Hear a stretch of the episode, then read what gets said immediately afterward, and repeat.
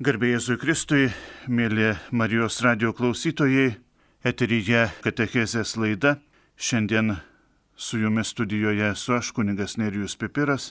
Noriu pasidalinti su jumis mintimis, ką reiškia pakeisti savo gyvenimo kelią, ką reiškia nebūti klaidoje ir kodėl kiekvienam iš mūsų visgi prasminga atsiversti. Lapkričio mėnesį mes prisimename ne tik tai visus šventuosius, apgalvojame tai, ko mums trūksta iki šventumo, bet prisimename ir švenčiausiąją mergelę Mariją gailestingumo motiną. Švenčiausioji mergelė Marija yra mūsų viešpaties dovana visam pasauliui, nes jis padeda mums žvelgti į kryžių, padeda matyti ir jausti Dievo gailestingumą, kaip kartu radikaliai viešpats apkabina visą pasaulį ir to žvilgsnio link viešpaties, link kryžiaus, kiekvienam iš mūsų reikia mokytis ir mokytis. Taigi kartu ir švenčiausioji mergelė Marija padeda mums, taip sakant, patirti Dievo gailestingumą. Šiandieną kartu su jumis noriu pasidalinti keletų minčių apie tai, ką reiškia atsivertimas, ką reiškia gyvenimo kelio, gyvenimo krypties pakeitimas ir nebuvimas klaidoje. Turbūt visi prisimename Kaino ir Abelio istoriją. Pradžios knygoje yra taip rašoma. Žmogus pažino savo žmoną Evą, ji pradėjo ir pagimdė Kainą. Viešpaties padedama, gavau berniuką, pasakė ji. Po to ji pagimdė jo brolį Abelį. Abelis tapo aviganiu, o Kainas žemdirbiu. Laikui bėgant, Kainas aukojo viešpačiui žemės derliaus atnašą, o Abelis savo ruoštų aukojo rinktinės savo kaimenės pirmienas.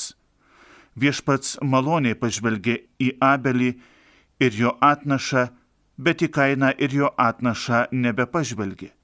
Todėl Kainas buvo labai piktas ir prislėgtas.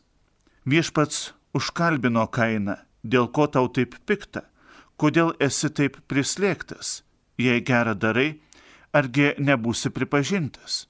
Bet jei gero nedarai, prie durų už pasalų tiko, tiko nuodėmė. Ji geidžia tavęs, bet tu gali ją įveikti. Kainas tarė savo broliui Abeliui išeikime į lauką. Pasiekus lauką, Kainas pakilo prieš savo brolį ir jį užmušė. Tuomet viešpats paklausė Kainą, kur tavo brolis Abelis? Nežinau, Argi aš esu savo brolio sargas, jis atsakė. O viešpats jam tarė. Ką tu padarėjai?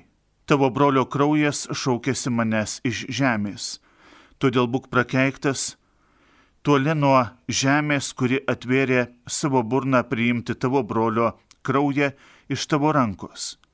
Kai tu dirbsi žemę, jie nebeduos tau daugiau savo derliaus. Tu būsi beglys ir klajūna žemėje Kainas atsakė, viešpačiui, per daug didelė man bausmė, jos pakelti negaliu.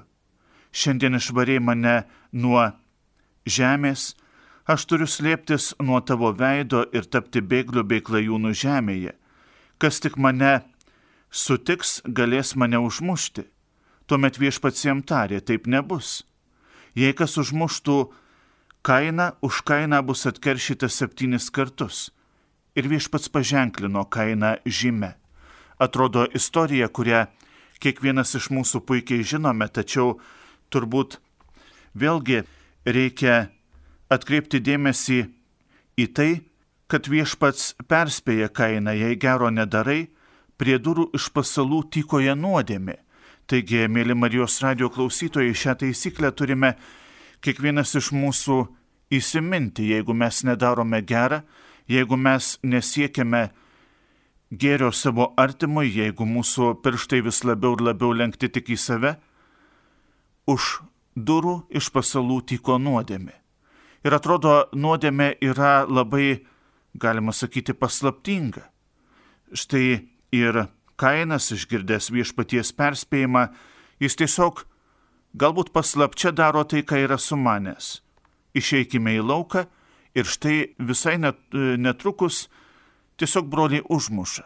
Galbūt iš keršto, galbūt iš kokios nors puikybės, iš dar ko nors, tiesiog galbūt šiandien ir nereikia veltis į priežastis ir, ir jas nuspėti, vis dėlto kainas pasiduoda, pasiduoda nuodėmiai, nesiryšta galbūt kantriai palaukti, kol viešpats priims ir, ir jo maldą, ir jo auką, ir kartu viešpaties užklaustas meluoja, argi aš esu savo brolio tarnas, aš nežinau, e, taip sakant, kur jis, ką jis veikia ir taip toliau. Ir tik tai po to, išgirdęs viešpaties apkaltinamą į nuosprendį, jis pripažįsta, kad ta kaltė yra didžiulė, kad, kad e, klaida, kurią, kurią padarė, turi savo naštą. Taigi, brangus broliai ir seserys, mėly Marijos radio klausytojai, iš tiesų kiekviena kaltė, kiekviena, kiekviena nuodėmė, kiekviena, kiekvienas mūsų blogas veiksmas turi savo naštą.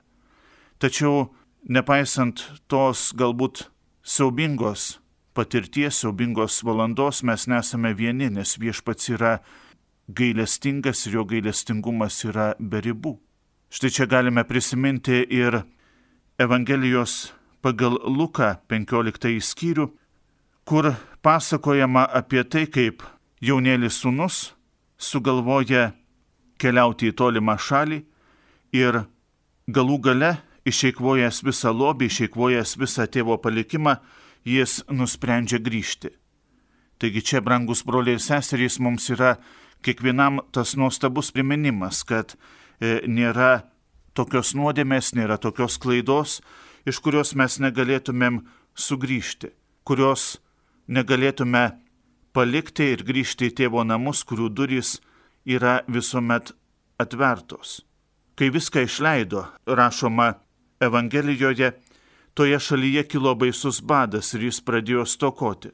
Tada nuėjo pas vieną šalies gyventoją ir stojo jam tarnauti, tasai pasiuntė jį į laukus keulių ganyti. Jis geidė prikimšti pilvą bent anksčiau jovalo, kurį ėdė keulės, tačiau neto jam neduodavo. Tada susimastė ir tarė, kiek mano tėvo samdinių apščiai turi duonos, o aš čia mirštu iš bado. Kelsiuosi, eisiu pas tėvą ir sakysiu, tėve nusidėjau dangų ir tau, nesuvertas vadintis tavo sunumi, priimk mane bent samdiniu. Jis pasiryžo ir iškeliavo pas tėvą. Tėvas pažino jį iš tolo, labai susigaudino, pribėgo prie jo, puolė ant kaklo ir pabučiavo O sunus prabilo, tėve nusidėjau dangui ir tau, nebesu vertas vadintis tavo sunumi. Bet tėvas įsakė tarnams, kuo greičiau atneškite geriausią drabužį ir apvilkite jį, užmaukite jam ant žiedo žiedą, apaukite kojas, atveskite nupenėtą veršį ir papjaukite, puotaukime, linksminkimės, nes šis mano sunus buvo miręs ir vėl atgyjo buvo pražuvęs ir atsirado. Tokie tėvo žodžiai, mano sunus buvo miręs ir vėl atgyjo, buvo pražuvęs ir atsirado, galbūt daugeliu 21 amžiaus žmonių atrodo tarsi kokia nors stebuklinė pasaka. Tačiau visgi, kai mes mastome apie begalinį Dievo gailestingumą, tai yra tikrovė. Žmogus buvo miręs, vėl atgyjo, buvo pražuvęs ir atsirado kogi reikia, kad taip atsitiktų. Pirmiausia, atminties. Tas jaunėlis sunus prisiminė, kad tėvo namuose yra daug samdinių, kurie apšiai turi duonos, kad jam gera buvo pas tėvą ir ryžosi eiti, ryžosi grįžti į, galima sakyti, tą palaimintą patirtį. Kartu grįžimas tai yra procesas. Reiškia, reikia atsisakyti to anksčiau jovalo, kuris atrodė galbūt net ir kaip būtinybė, kad žmogus išgyventų ir vėl ryštis į, ryštis į kelią. Į kelią, kuris, kuris yra pažįstamas, į kelią, kuriame mes galime matyti mus pasitinkantį tėvą, tiksliau galbūt net ir to tėvo siluetą, laukiantį mūsų, žvelgiantį į tą kryptį, kur, kur sunus nuėjo Ir dar vienas svarbus dalykas - pripažinti, tėve, nusidėjau dangui ir tau. Štai čia jie yra e, kertiniai momentai, kad mes, mes galėtume iš tikrųjų patirti viešpaties apkabinimą, viešpaties gailestingumą, pirmiausia, pripažinti, kad iš tikrųjų tėvo namuose yra gera, kad gera būti mums su Dievu arti Dievo, kad nuodėmė tai yra anksčių jovalas, kuriam dažnai mes, mes pataikaujame ir kad labai svarbu išpažinti tėvui, nusidėjau, nusidėjau dangui ir tau, nesuvertas vandintis tavo sunumi. Reiškia visą teisybę, viską atiduoti tėvui į rankas. Taigi, mėly Marijos radio klausytojai, brangus broliai ir seserys, iš tiesų tas gyjimo procesas jis veiksmingas tik tai tuo met, kada mes pripažįstame klaidą, kada mes matome, kad galbūt netaip pasirinkome, kada mes ryštamės nekaltinti kitus, bet galbūt patys kažką netaip pasirinkome, galbūt patys kažką netaip padarėme, galbūt mums patiems reikia kai ką pergalvoti, pasvarstyti, kai, e, iš kai kur sugrįžti atgal. Tai yra tas sveikimo kelias, gailestingumo kelias, pasitaisimo išklaidos kelias. Kartais girdisi tokių pasvarstymų, kad jau man niekas, niekas nepagelbės, niekas nepadės, niekas netleis, tai iš tikrųjų nesivadovaukim tomis ašaromis, bet vadovaukimės viešpaties gailestingumo. Viešpaties gailestingumui nėra ribų ir viešpats yra pasiruošęs apkabinti, pasiruošęs išeiti, pasitikti, tai reikia tik tai sugrįžtančiojo žvilgsnio. Ir ką daryti, kad tas pasitaisimas iš klaidos tikrai įvyktų. Mėly Marijos radio klausytojai raginu dažnai švesti atgailos ir gailestingumo sakramentą sutaikinimo sakramentą. Tai yra mūsų grįžimo pas tėvą sakramentas. Ir kai mes ruošiamės išpažinčiai, kai mes ruošiamės atgailai, svarbiausia, kad mes prisimintumėm tuos keletą dalykų, kurių reikia, kad atgaila būtų gera. Apie tuos dalykus šią valandą truputėlį ir prisimenėme. Taigi pirmiausia, Pirmasis iš jų yra prisiminti savo nuodėmės, prisiminti, kad aš buvau kažkur tai neteisus, kad man pasidarė, kad aš klydau, kad aš padariau klaidą, kad ta lyga, ta nuodėmė, tas, tas blogumas kėsinosi į mane. Labai svarbus dalykas yra taip pat ir apgailėti, kad kažkas nepavyko, kad kažkur pasirinkimai buvo netokie, netobuli, kad, kad dabar mes galime kažką tai daryti iš naujo.